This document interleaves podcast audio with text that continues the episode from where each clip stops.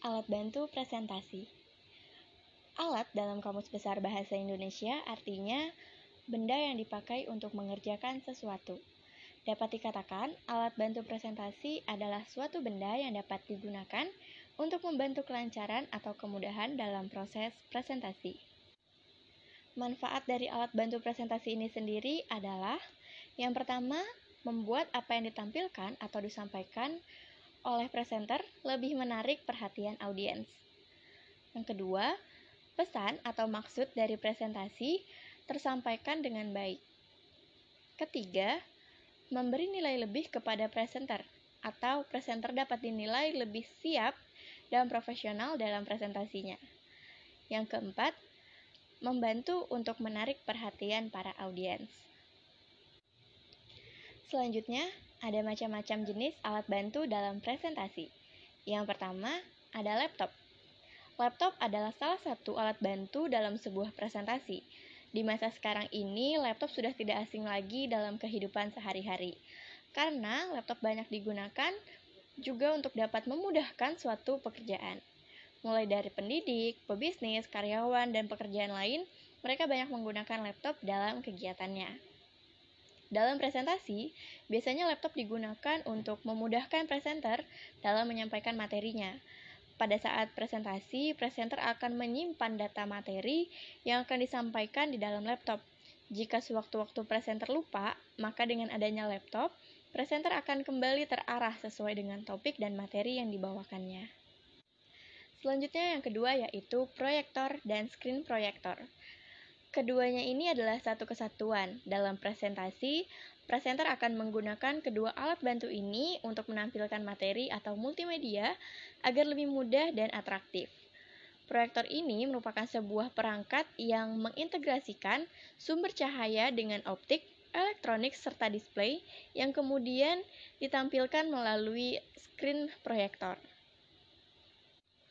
Berikutnya yang ketiga ada papan tulis. Papan tulis adalah papan untuk menulis di depan kelas. Dalam presentasi, papan tulis biasa digunakan untuk membuat sebuah gambar atau analogi ringan untuk membantu presenter menjelaskan secara detail atau step by step, step by step pada audiens.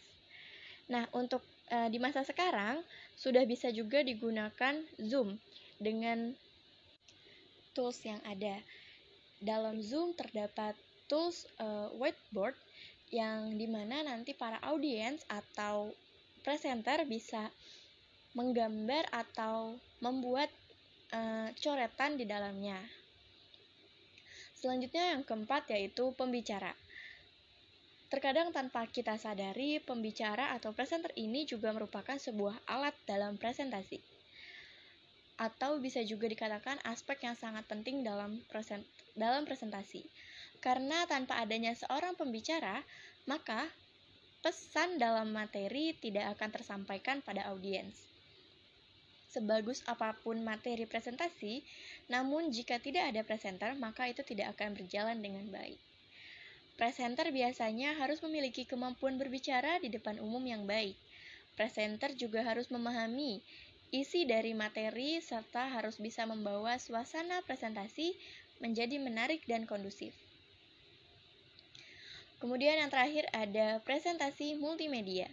Presentasi multimedia maksudnya adalah penampilan Microsoft PowerPoint, Microsoft Word, gambar, video, chart, atau media pendukung lainnya. Pada umumnya, dalam sebuah presentasi, presenter akan menampilkan sebuah materi yang telah didesain agar menarik dan mudah dipahami. Microsoft Office ini adalah sebuah perangkat lunak yang dirancang untuk dapat mengolah, menyimpan, dan mengombinasikan data, baik huruf, angka, dan gambar. Biasanya, presenter akan menggunakan Microsoft Word, Microsoft PowerPoint sesuai dengan apa yang dibutuhkan. Presenter hanya perlu menuangkan ide dan kreativitasnya dalam mendesain sebuah materi dengan memanfaatkan fitur-fitur yang sudah ditawarkan di dalam Microsoft Word ataupun Microsoft PowerPoint.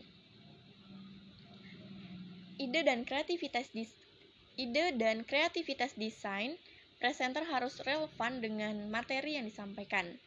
tidak menggunakan background atau elemen yang berlebihan, namun tidak juga kosong. Memasukkan gambar atau video yang relevan sebagai ilustrasi dari materi tersebut.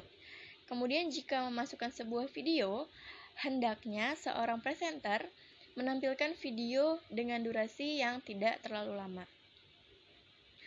Presenter juga bisa menambahkan diagram pada materi untuk menampilkan data statistik agar audiens bisa lebih mudah memahami apa yang disampaikan.